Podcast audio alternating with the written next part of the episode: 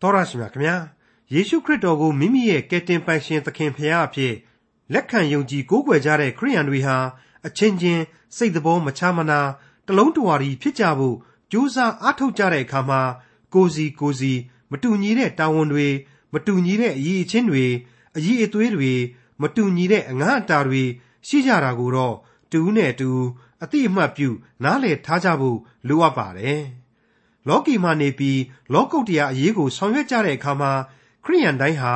အားလုံးအတူတူမဟုတ်ဘဲသူ့နေရာနဲ့သူသူ့ကဏ္ဍနဲ့သူရှိကြတယ်ဆိုတာကို နားလည်သဘောပေါက်ဖို့လိုအပ်ပါတယ်။ကျမ်းစာသင်ကျောင်းဆင်းဖြစ်ပါမှဖះရှင်ရဲ့အမှုတော်မြတ်မှာပါဝင်ရမယ်ဆိုတဲ့တယူသန်အတွေ့အခေါ်အယူအဆဟာမမှန်ကန်ဘူးဆိုတာကို အထင်အရှားတွေ့ရမှာဖြစ်တယ်လို့ဖျားရှင်ဟာခရိယန်တွေကို မတူညီတဲ့အခန်းကဏ္ဍတွေမှာ မတူညီတဲ့တာဝန်တွေကိုဆောင်ရွက်စေတယ်ဆိုတာကို ဖော်ပြထားတဲ့ခရိယန်တမန်ကျမ်းဓမ္မသစ်ကျမ်းပိုင်းတွေကအေဖက်ဩဝါဒစာအခန်းကြီး၄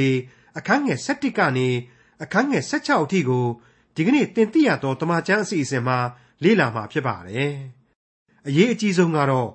ခရစ်တော်သည်သာခရိယန်အသင်းတော်အဖွဲ့အစည်းရဲ့ဥကောင်းတော်ဖြစ်ပြီးမေတ္တာ၌တိဆောက်ဖို့ဖြစ်တဲ့အကြောင်းအေဖက်ဩဝါဒစာအခန်းကြီး၄အခန်းငယ်၁၁ကနေ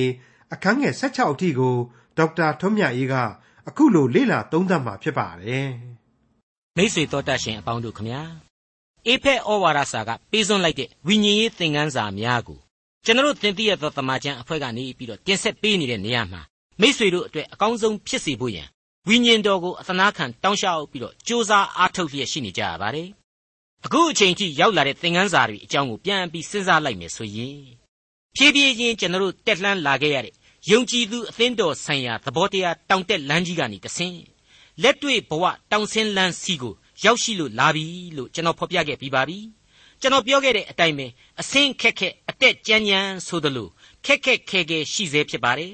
ဒါပေမဲ့ဝိညာဉ်ခွန်အားကိုကြပြန်တော့လေနဲ့နဲ့နဲ့နဲ့ရရှိနိုင်တယ်လို့ကျွန်တော်တို့ကျေးဇူးတော်ကိုအထူးချီးမွမ်းမိပါတယ် မိษွေတော်တတ်ရှင်အပေါင်းတို့အတွက်လည်းကျွန်တော်တို့သင်သိရသောတမန်ကျမ်းကပေးစွန်းတဲ့ဝိညာဏခွန်အားများအပြည့်အဝနဲ့အနာဂတ်အသက်တာလမ်းကိုအောင်ပန်းဆင်ချီတက်နိုင်ကြပါစေလို့ဆုတောင်းပေးလျက်ရှိနေကြောင်းတင်ပြလိုပါတယ်ဒီကနေ့အဖို့မှာတော့ဆက်လက်လေးလာရန်ရှိတဲ့သင်ခန်းစာများကိုစိတ်နှလုံးတကားများဖွင့်လှစ်ပြီးတော့နားဆင်ကြပါအောင်လို့မေတ္တာရက်ခံရင်းနဲ့အေဖက်ဩဝါဒစာအခန်းကြီး၄အငယ်7မှ73ကိုစတင်ဖတ်ရှုပြပါစေခရစ်တော်ဤကိုယ်တော်ကိုတိဆောက်၍ ဓမ္မဆရာ၏အမှုကိုပြုရမည်အကြောင်းတန်ရှင်းသူတို့ကိုပြင်ဆင်ခြင်းအလို့ငှာထိုသခင်သည် လူအချို့တို့ကိုတမန်တော်အရာ၌၎င်းအချို့တို့ကိုပရောဖက်အရာ၌၎င်းအချို့တို့ကိုသာသနာပြုအရာ၌၎င်းအချို့တို့ကိုသင်းအုပ်အရာဆရာအရာ၌၎င်းခံထားတော်မူ၏ငါတို့ရှိသမျှသည်ယုံကြည်ခြင်းသို့၎င်းဖျားသခင်ဤသားတော်ကိုတိကျွန်းခြင်းသို့၎င်းတညီတညွတ်ထိရောက်၍ ခရစ်တော်ဤပြည့်စုံခြင်းပမာဏအယက်ဒီဟုသော ကြီးရင်သောလူအဖြစ်သို့ရောက်ကြသည့်တိုင်အောင်ဖြစ်သည်ဒါဟာရှင်းရှင်းကလေးပြောရရင်တော့မြန်မာနိုင်ငံခရိယန်အသင်းတော်ကောင်စီနဲ့တကွဂိုင်းကနအသီးသီးကဥက္ကဋ္ဌကြီးတွေဆရာတော်ကြီးတွေကစပြီးတော့နယ်လှဲ့ဓမ္မအမှုတော်ဆောင်များဘာသာရေးလောကအထောက်အကူပြုအသိပညာအတတ်ပညာရှင်များအဖြစ်ငါဟာအသိအမှတ်ပြုထားတယ်တာဝန်တွေအသီးသီးခွဲဝေခန့်အပ်ထားတယ်အဲ့ဒီလိုငါရဲ့ခန့်အပ်ခြင်း စေစားခြင်းကောင်းကြီးပေးခြင်းအပေါင်းတို့ဟာခရစ်တော်ဤကိုတော်ကိုတိဆောက်ဖို့ရန်အတွက်နဲ့ဓမ္မအမှုတော်ကိုဆောင်ရွက်ဖို့တနည်းအားဖြင့်ကမ္ဘာလောကကြီးတဲ့ကိုတိုးဝင်ပြီးတဲ့နောက်ငါဤအမှုတော်ကိုစီးလုံးညီညွတ်စွာလက်တွဲဆောင်ရွက်ဖို့ပဲတဲ့ဘလောက်ကောင်းလဲအမှုတော်ဆောင်ကြီးများအားလုံးဟာအဲ့ဒီအခြေခံအချက်ကြီးနဲ့အညီအသင်းအဖွဲ့များကိုဥဆောင်မှုပေးနိုင်ရင်မိမိတို့ရဲ့အဖွဲ့အစည်းအသီးသီးကိုခေါင်းဆောင်နိုင်မှုပေးနိုင်မယ်ဆိုရင်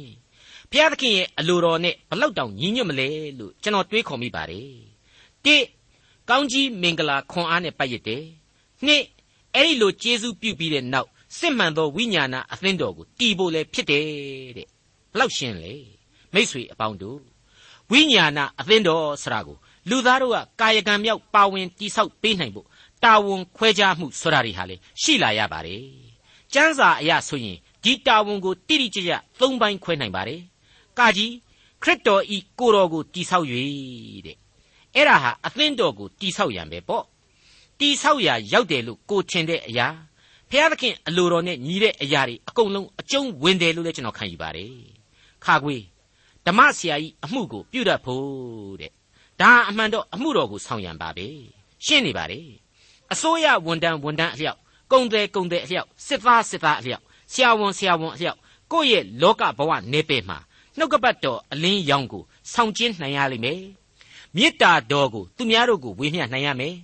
ခရစ်တော်ရဲ့ဘုန်းတော်နဲ့နာမတော်ကိုပတ်ဝန်းကျင်မှာကိုရှိရာအရက်ကနေပြီးတော့ထင်ရှားစေရမယ်ဆိုတဲ့အဓိပ္ပာယ်ပါပဲ။ဂငယ်တန်ရှင်းသူတို့ကိုပြင်ဆင်ခြင်းအလိုငှာတဲ့ဒီအဓိပ္ပာယ်ကတော့ယုံကြည်သူများအားလုံးကိုယုံကြည်ခြင်းမှာပို့ပြီးတော့ခိုင်ကန့်အောင်ကူညီဖေးမပေးရမယ်။အသင်းတော်နဲ့အမှုတော်ဆောင်တွေကိုဝိုင်းဝန်းပံ့ပိုးပေးရမယ်။အားပေးကူညီရမယ်ဆိုတဲ့အချက်ပါပဲ။ အဲ့ဒီလိုတာဝန်တွေကိုယူနိုင်ဖို့အတွက်ကတော့ကာယကံမြောက်ပါဝင်ဆောင်ရွက်နိုင်အောင်သင့်လျော်တဲ့လူတွေကိုနေရာတွေခွဲဝေပေးတယ်ဆိုတဲ့အချက်ကျွန်တော်အလွန်သဘောကျမိပါတယ်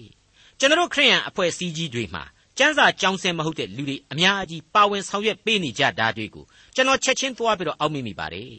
တချို့ပုံကိုယ်တွေဟာဆရာဝန်တွေကျောင်းဆရာဆရာမတွေသိပ္ပံပညာရှင်တွေအငိမ့်စားအရာရှိအရာခံတွေပဲ အဲ့ဒီပုံကိုယ်ကြီးတွေကိုတွေ့ရင်မေးကြည့်သူတို့ကိုသေချာမေးကြည့်လိုက်ရင်လေဘယ်သူမှအတင်းလာပြီးတော့သာသနာအလုပ်ကိုလုပ်ပြရစီဆိုပြီးပြောတာမဟုတ်ဘူးဖျားသခင်ကမင်းဝင်လှုပ်စေဆိုပြီးတော့ခိုင်းလိုက်တာကြနေတာပဲဖြိုးဖြိုးဖြတ်ဖြတ်နဲ့သာသနာအဖွဲ့အစည်းတွေတဲကိုဝင်လာပြီးတော့သူ့အပိုင်းနဲ့သူဝင်လှုပ်ပေးကြတာကိုအံ့ဩဖွယ်တွေ့လာရပါတယ်အဲ့ဒီလိုအသင်းတော်ဝင်ယုံကြည်သူတွေကိုခရစ်တော်အတွက်ခွဲဝေခန့်အပ်ခြင်းတာဝန်ပေးအပ်ခြင်းတွေကိုမထီမဲ့မြင်မပြုစေခြင်းပါဘူး အလေးနဲ့သတိထားရမယ့်အချက်တွေကိုရှင်ပေါလုဆက်လက်ဖော်ပြလိုက်ပါတယ်ဖျားသခင်ဤသားတော်ကိုပုံမသိကျွမ်း၍ညီညွတ်ခြင်းရှိရန်ပြည့်စုံခြင်းရှိရန်ဖြစ်တယ်ခရစ်တော်၌တလုံးတဝတည်းဆောင်ရွက်ကြရန်ဖြစ်တယ်ကြိုးစားအားထုတ်ကြရန်ဖြစ်တယ်အဲ့ဒီဖြစ်ပေါ်လာတဲ့တိုးတက်မှုရလဒ်တွေအကုန်လုံးကိုစုပေါင်းပြီးတော့အပြေရှာလိုက်တဲ့အခါကျတော့ခရစ်တော်ကိုသာဗဟုပြုထားတဲ့ခန္ဓာတော်လူသစ်လို့ခေါ်ပေါ်တဲ့အသင်းတော်ဟာတငယ်နှစ်စားအဆင့်မဟုတ်တော့ဘူး ကို့အလိုဆန္ဒမပြည့်တိုင်းခြေတော့ကလေးပေါက်ဆက်ပေါက်ဆက်နဲ့စိတ်ကောက်တတ်တဲ့ခလေးစိုးကြီးလိုလည်းမဟုတ်တော့ဘူး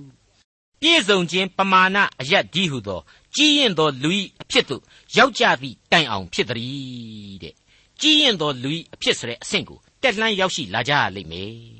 ကျွန်တော်ဆိုခဲ့တဲ့အတိုင်းပဲအခုအဆုံးအမတွေကိုအလေးအနက်ထားကြရမယ်အနုလုံပရိလုံဆင်ခြင်နှလုံးသွင်းကြရပါလိမ့်မယ်ခရစ်တော်ကိုတယောက်ချင်းပုံမူသိကျွမ်းတာဟာမကောင်းဘူးလားသိကောင်းပါလေဒါပေမဲ့ တယောက်တည်းသိကျွမ်းပြီးတော့တကိုယ်တော်အမှုတော်ကိုဆောင်တကိုင်းဖွဲ့ပြီးတော့ဥဆောင်ဘယ်သူနဲ့မှကြံတဲ့လူတွေနဲ့မတည့်ပဲနဲ့ညီညွတ်ခြင်းမရှိပြေဝစုံလင်တဲ့အဆင့်ကိုမရောက်ဘူးဆိုရင်ဒါဟာခရစ်တော်ရဲ့အလိုတော်နဲ့ကိုယ့်ဖာသာကိုညီညွတ်တယ်လို့ဘလောက်ပဲထင်နေနေနှုတ်ကပတ်တော်နဲ့ကတော့အန်ချော်နေပြီဆိုတာဟာပေါ်လွင်နေပြီတနည်းအားဖြင့်အသင်းတော်ဟာကြီးရင်သောလူဆိုတဲ့ဝိညာဏအသင်းတော်ကြီးဖြစ်ဖို့ကိုကဘလောက်ပဲကြိုးစားအားထုတ်နေပါစေကိုယ်တိုင်ကတော့မကြည့်ရင်တဲ့လူ ကလေးစိတ်မကုံတဲ့ဘောက်ဆက်ဘောက်ဆက်သမားများဖြစ်နေသလားအဲ့ဒီလိုများဖြစ်နေပြီဆိုရင်ခရစ်တော်ရဲ့အလိုဆန္ဒနဲ့မကိုက်ညီဘူးဒီလိုခရစ်တော်ရဲ့အလိုဆန္ဒနဲ့ပြန်လဲကိုက်ညီအောင်ပြုပြင်ယူရလိမ့်မယ်ကိုကိုကိုပြန်လဲပြင်ဆင်ရလိမ့်မယ်နှုတ်ကပတ်တော်နဲ့အညီကိုကိုကိုပြောင်းလဲရလိမ့်မယ်လို့ကျွန်တော်ဒီနေရာမှာတိုက်တွန်းအားပေးခြင်းပါတယ်မိတ်ဆွေတော်တတ်ရှင်အပေါင်းတို့ခမညာထိုသခင်သို့မဟုတ်ကယ်တင်ရှင်သခင်ခရစ်တော်ကိုယ်တိုင်ကလူအချို့ကိုတမန်တော်အရာ၌ငါခံထားတယ်ဆိုတာနဲ့ပတ်သက်ပြီးတော့ ရှင်ပေါလုရဲ့အသက်တာနဲ့ပဲနှိုင်းရှင်လေ့လာတဲ့အချက်တွေတချို့ကိုဖော်ပြခြင်းပါတယ်နှုတ်ကပတ်တော်ကိုကျွန်တော်တို့ရဲ့ခေတ်အမြင်များနဲ့ကိုက်ညှိလေ့လာခြင်းပဲလို့ကျွန်တော်ဆိုချင်ပါတယ်ဂလာတိဩဝါဒစာအခန်းကြီး1အငယ်1မှာဆိုရင်အခုလိုဖော်ပြထားပါတယ်လူနှင့်မဆက်ဆိုင်လူဤအခွင့်မရှိဘဲလျက်ယေရှုခရစ်၏အခွင့်ကို၎င်းထိုသခင်ကိုသေခြင်းမှထမြောက်စေတော်မူသောခမည်းတော်ဘုရားသခင်၏အခွင့်နှင့်၎င်းတမန်တော်ဖြစ်သောငါပေါလုတဲ့ အဲ့ဒီလိုတမန်တော်ကြီးရှင်ပေါလုဖော်ပြထားတာကိုတွေ့ရပါတယ်အငယ်7နဲ့7မှာကြတော့ညီအကိုတို့ငါဟောပြောသောဧဝံဂေလိတရားသည် လူတို့၏တရားမဟုတ်လူထံမှငါခံရသည်မဟုတ်ယေရှုခရစ်၏ဗျာဒိတ်တော်မှတပါအခြားသောဥပရိသကိုငါမခံသည်အကြောင်းကိုသင်တို့အားငါကြားလိုက်ရ၏တဲ့အဲ့ဒီလိုဖော်ပြထားတာကိုတွေ့နိုင်ပါသေးတယ်အလွန်အလွန်ထူးခြားတဲ့သီးသန့်ရွေးကောက်တော်မူခြင်းဖြစ်ပါတယ်ကနဦးအသင်းတော်တို့တီကာစအခြေအနေ တီကာစအချိန်အခါမှာဆိုရင်လူဆိုးကြီးရှောလူဆိုတဲ့လူကိုပေါလုဘဝသို့မရောက်ရောက်အောင်ခရစ်တော်ကိုတော်တိုင်အလင်းနဲ့အုပ်ဖန်းအပြစ်ဒဏ်ကိုလည်းချမှတ်တာဝန်တွေကိုလည်းပေးပြီးတော့အထူးရွေးကောက်ခဲ့ခြင်းဖြစ်ပါတယ်အဲ့ဒီလိုရွေးကောက်တော်မူခြင်းကိုကျွန်တော်တို့ကအားကြပြီးတော့တရသေးဆွဲယူပြီးတော့စိတ်ကူးရင်လို့မရနိုင်ပါဘူးသူခင်တဲ့သူလိုအပ်တယ်လို့ခရစ်တော်သုံးဆွဲခဲ့တဲ့နည်းနည်းသောအရာတစ်ခုပဲဖြစ်တယ်လို့မှတ်သားထားဖို့အထူးပဲလိုအပ်လာပါတယ်အချို့တို့ကိုပရောဖက်အရာတဲ့ မိတ်ဆွေအပေါင်းတို့ကောရိန္သုဩဝါဒစာပထမစာဆောင်အခန်းကြီး7အငယ်8မှ7ကိုဒီနေရာမှာကျွန်တော်တစ်ခေါက်ပြန်ပြီးတော့ဖတ်ပြခြင်းပါသေးတယ်အဘယ်သို့နည်းဟုမူကားဝိညာဉ်တော်အားဖြင့်တယောက်သောသူအားပညာတရားကိုပေးတော်မူ၏ထိုဝိညာဉ်တော်အားဖြင့်တယောက်သောသူအားထိုးတွင်ခြင်းတရားကိုပေးတော်မူ၏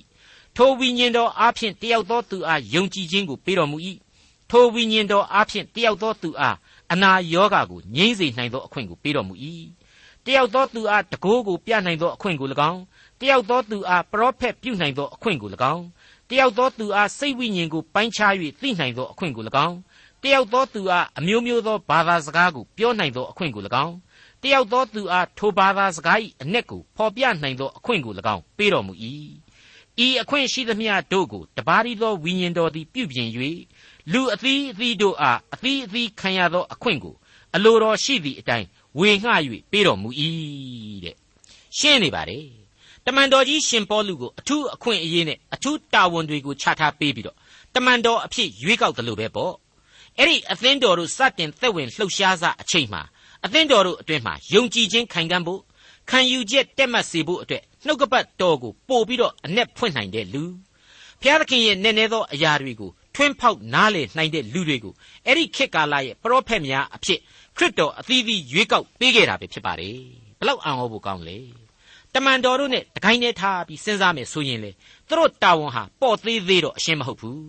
အသင်းတော်ရဲ့အတွင်းမှာမရှိမဖြစ်လို့ဘုရားသခင်ခံထားပေးရတဲ့လူဒန်းစားသစ်ပဲဆိုတာကိုကျွန်တော်တို့ရှင်းရှင်းလင်းလင်းအကဲဖြတ်နိုင်လောက်ပါတယ်အေဖက်ဩဝါဒစာအခန်းကြီး3အငယ်9မှာတော့အခုလိုဖော်ပြခဲ့ပါတယ်ထိုနည်းနည်းသောအရာကိုတန်ရှင်းသောတမန်တော်တို့နှင့်ပရောဖက်တို့အားယခုကာလ၌ ဝိညာဉ်တော်အားဖြင့်ဖွင့်လှစ်တော်မူသည်နိတူအခြားသောကာလ၌လူမျိုးတို့အားပြတော်မမူတဲ့ဘယ်အတိတ်ကာလတုန်းကမှမရှိခဲ့ဘူးတဲ့မလိုအပ်ခဲ့ဘူးတဲ့နည်းနည်းသောအရာသို့မဟုတ်အသင်းတော်တို့အဖို့ရွေးချယ်ခန့်အပ်ခြင်းတာဝန်သစ်ပေးအပ်ခြင်းအသင်းတော်ကိုတိဆောက်စေခြင်းတာဝန်သစ်ဖြစ်လာတယ်ဆိုတာကိုတွေ့လာရပါတယ်အဲ့ဒီတော့ခြုံငုံသုံးသပ်လိုက်မယ်ဆိုရင် တမန်တော်ပရောဖက်ဆိုတဲ့တာဝန်တွေဟာအဲ့ဒီခရစ်တော်ရဲ့အသင်းတော်တည်စရှေးဦးကာလရဲ့လိုအပ်ချက်နဲ့အညီခရစ်တော်ရွေးချယ်ခန့်အပ်ခြင်းတွေဖြစ်တယ်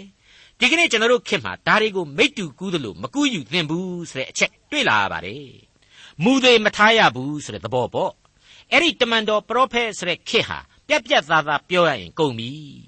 ခေတ်သစ်ကိုဘုရားသခင်ကိုတော်တိုင်ပြောင်းလဲစေလိုက်ပြီဒါပေမဲ့အဲ့ဒီတမန်တော်တွေပရောဖက်တွေဟာဝိညာဉ်သဘောအရာ ဘုရားသခင်နဲ့အတူရှိနေကြတယ်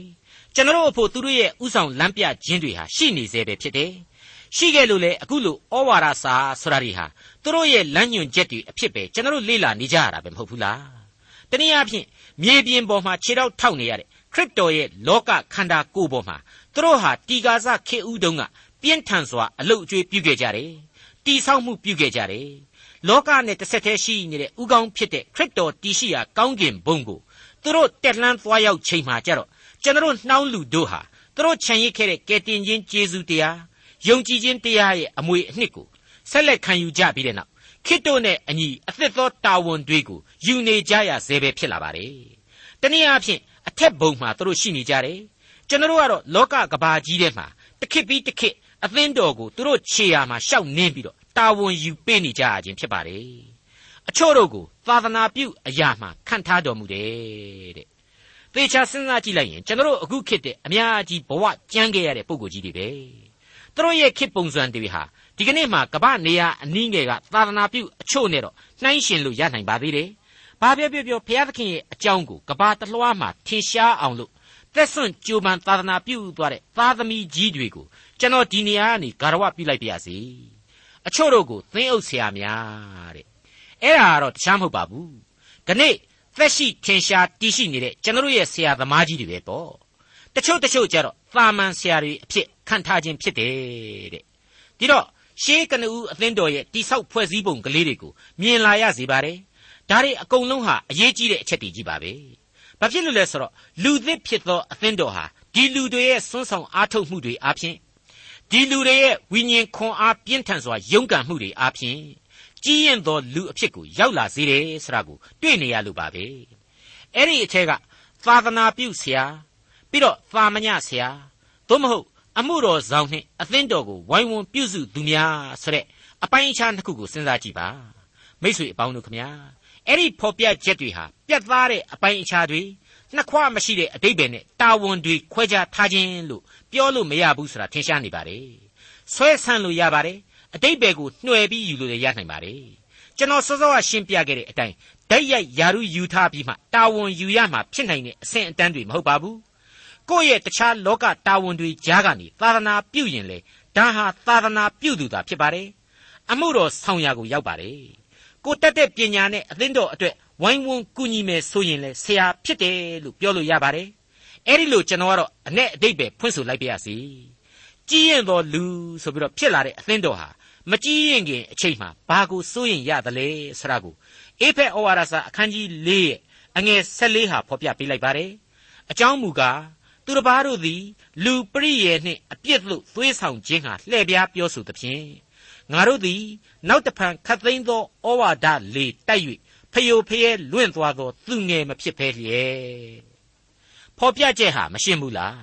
ဥပမာလေးဟာဘလောက်ကောင်းလဲ အေဖက်အသင်းတော်ဟာယုံကြည်ခြင်းအလွန်ခိုင်မြဲတယ်စံပြအသင်းတော်ကြီးဖြစ်တာလေမှန်တယ်ဒါပေမဲ့စိတ်ချရပြီလားလို့အပြတ်သွားပြီးတော့မတွေးနဲ့မမေးနဲ့စိတ်မချရသေးဘူးဘာဖြစ်လို့လဲဆိုတော့ဘုရားသခင်ဖန်ဆင်းတဲ့လူအဖွဲ့အစည်းဟာအစမှကတည်းကစာရန်ရဲ့ထိုးနှစ်ချက်အားဖြင့်အပြစ်နယ်ကိုကြဆင်းခဲ့ရသလိုဘလောက်ပဲခိုင်မာတောင့်တင်းပါတယ်ယုံကြည်ခြင်းကောင်းပါတယ်ပဲပြောနေနီ စာရမဏေရဲ့ဆွဲဆောင်မှုနဲ့ဂရင်းကဘာဖြစ်နိုင်တယ်ဆိုတာကိုနားလေခံယူထားဖို့ရှင်ပေါလုဖော်ပြလိုက်တယ်လို့ကျွန်တော်အတိတ်ပဲဖွင့်ဆိုခြင်းပါတယ်ပမာအားဖြင့်ကောရိန္သုအသင်းတော်ကြီးဆိုရင်အဲ့ဒီလိုဖျို့ဖျဲရီဖြစ်ခဲ့တယ်ကြောက်เสียကောင်းလောက်အောင်ကွဲကြပြဲကြရံဖြစ်ခဲ့ကြနဲ့အသင်းတော်ဟာအုံကြက်ကြက်ဖြစ်ခဲ့တယ်နောက်ဆုံးရံဖြစ်เสียတခြားမရှိတော့ငါကဘသူကိုင်းမင်းကဘသူကိုင်းဆိုပြီးတော့ဆရာတွေနာမည်ကိုခေါင်းစဉ်ပေးပြီးတော့ဘိုလ်လူပွဲကြီးတွေကျင်းပခဲ့ကြတယ် ပရိပက္ခကြီးတွေဖြစ်ခဲ့ကြတယ်ဆိုတာကိုကောရိန္သုဩဝါဒစာပထမစာဆောင်အခန်းကြီး3အရာကျွန်တော်တို့တွေ့နိုင်ပါတယ်အဲ့ဒီကောရိန္သုဩဝါဒစာပထမစာဆောင်အခန်းကြီး3ရဲ့အစပိုင်းတွေကိုဖတ်ကြည့်မယ်ဆိုရင်အတော်ကြီးစိတ်မချမ်းမသာဖြစ်နေတဲ့တမန်တော်ကြီးရဲ့ဖော်ပြချက်တွေဟာကောရိန္သုအသင်းတော်ရဲ့အကွဲဇက်လန်ကြီးကိုဖော်ပြလျက်ရှိနေပါတယ်ညီအကိုတို့အထက်ကငါသည်ဝိညာဉ်လူတို့အားဟောပြောတဲ့ကဲ့သို့သင်တို့အားဟောပြောရသောအခွင့်မရှိဘဲဇာတိပဂရိလူတို့အား၎င်း ခရစ်တော်၌သူငယ်ကလေးတို့အား၎င်းဟောပြောတဲ့ကဲ့သို့ဟောပြောရ၏ယခုတိုင်အောင်သင်တို့သည်ခဲပွဲစားပွဲကိုမကြေနိုင်သောကြောင့်ငါမကြွေးရနို့ကိုသာတိုက်ရ၏ယခုပင်လေသင်တို့သည်မကြေနိုင်ကြသေးယခုပင်လေဇာတိပဂရိလူဖြစ်ကြသေး၏ဂုံပြိုင်ခြင်းရန်တွေ့ခြင်းအချင်းချင်းကွဲပြားခြင်းရှိသည်ဖြစ်၍သင်တို့သည်ဇာတိပဂရိလူဖြစ်ကြသည်မဟုတ်လောလောကီထုံးစံအတိုင်းကျင့်ဆောင်ကြသည်မဟုတ်လော တယောက်ကငါသည်ပေါလုတပြိဖြစ်၏ဟု၍၎င်းတယောက်ကငါသည်အာပေါလုတပြိဖြစ်၏ဟု၍၎င်းအသီးသီးပြောကြလျင်ဇာတိပဂရိလူဖြစ်ကြသည်မဟုတ်လောတဲ့ဒီအသင်းတော်ကြီးကိုဖြစ်ပေါ်တိုးတက်အောင်အမှုတော်ဆောင်ခဲ့ရတဲ့တမန်တော်ကြီးရှင်ပေါလုရင်ခွဲပက်လက်ဖြစ်ရတဲ့သဘောပဲအဲ့ဒီကောရိန္သုအသင်းတော်ကိုမင်းတို့တွေဟာနိုးစို့အဆင့်ကမတက်တဲ့အသင်းတော်တဲ့နှစ်ချေးတွဲလောင်းတဲ့အသင်းတော်တဲ့ အဲ့ဒီလိုအသင်းတော်မျိုးဖြစ်နေပြီဆိုပြီးတော့တမန်တော်ကြီးဖော်ပြလိုက်တာပါပဲအဲ့ဒီလိုမဖြစ်ရဘူးအခုအေးဖက်ကျတော့အဲ့ဒီလိုမဖြစ်ခဲ့တာမှန်တယ်ဒါပေမဲ့ဘုရားသခင်စီကိုသွားတဲ့အသက်လန်းနဘေးမှာအပြက်လန်းဆိုတာဟာတူပြိုင်အသင့်စောင့်နေတတ်တယ်စာရမဏတ်ဟာလူသေးကြီးကြိုက်ဆွဲဆောင်မှုတွေနဲ့ချင်းချောက်နေတတ်တယ်ချောင်းမြောင်းနေတတ်တယ်အန္တရာယ်ပြုတ်ဖို့အသင့်ရှိနေတတ်တယ်ဒီအချက်တွေကိုတမန်တော်ကြီးဟာသွယ်ဝိုက်သောနီးနဲ့သတိပေးလိုက်ခြင်းလို့လည်းဆိုကြပါတယ်ဒါဟာဒီကနေ့ရှေ့တန်းအသင်းတော်ကြီးတွေနဲ့တကွ အသင်းတော်တိုင်းအသင်းတော်တိုင်းလည်းအလေးဂရုပြုရမယ်အချက်တစ်ခုပဲဖြစ်တယ်လို့ကျွန်တော်တင်ပြခြင်းပါတယ်အေဖက်ဩဝါဒစာအခန်းကြီး၄အငယ်15နဲ့16မေတ္တာစိတ်နှင့်တမာတရားကိုဟောပြောသဖြင့်ဥကောင်းဒီဟုသောခရစ်တော်မှာအရာရာတို့၌ကြီးပွားကြမည်အကြောင်းဒီထိုဥကောင်းမှအစစ်အပိုင်းများတို့သည်အားဖြည့်သဖြင့်တကိုယ်လုံးသည်စိစက်ထုံးဖွဲ့လျက်အသီးအသီးအင်္ဂါများကိုငန်းကိုတာအတိုင်းပြုပြင်သည်နှင့်အညီ မိမိကိုယ်ကိုမေတ္တာ၌တိဆောက်ခြင်းဟာကြီးပွားစေတတ်၏မေတ္တာ၌တိဆောက်ခြင်းတဲ့ဂလာတိဩဝါဒစာအခန်းကြီး9အငယ်22ကိုကျွန်တော်ပြေးပြီးသတိရမိပါတယ်ဝိညာဉ်ပဂရိအကျိုးမူကားချစ်ခြင်းဝမ်းမြောက်ခြင်းငြိမ်သက်ခြင်းစိတ်ရှည်ခြင်းကျေးဇူးပြုခြင်းကောင်းမြတ်ခြင်းသစ္စာဆောင်ခြင်းနူးညံ့သိမ်မွေ့ခြင်းကာမဂုဏ်ချုပ်တီးခြင်းပေတည်းတဲ့ဝိညာဉ်ပဂရိအကျိုးများလို့ဆိုထားတာမဟုတ်ပါဘူး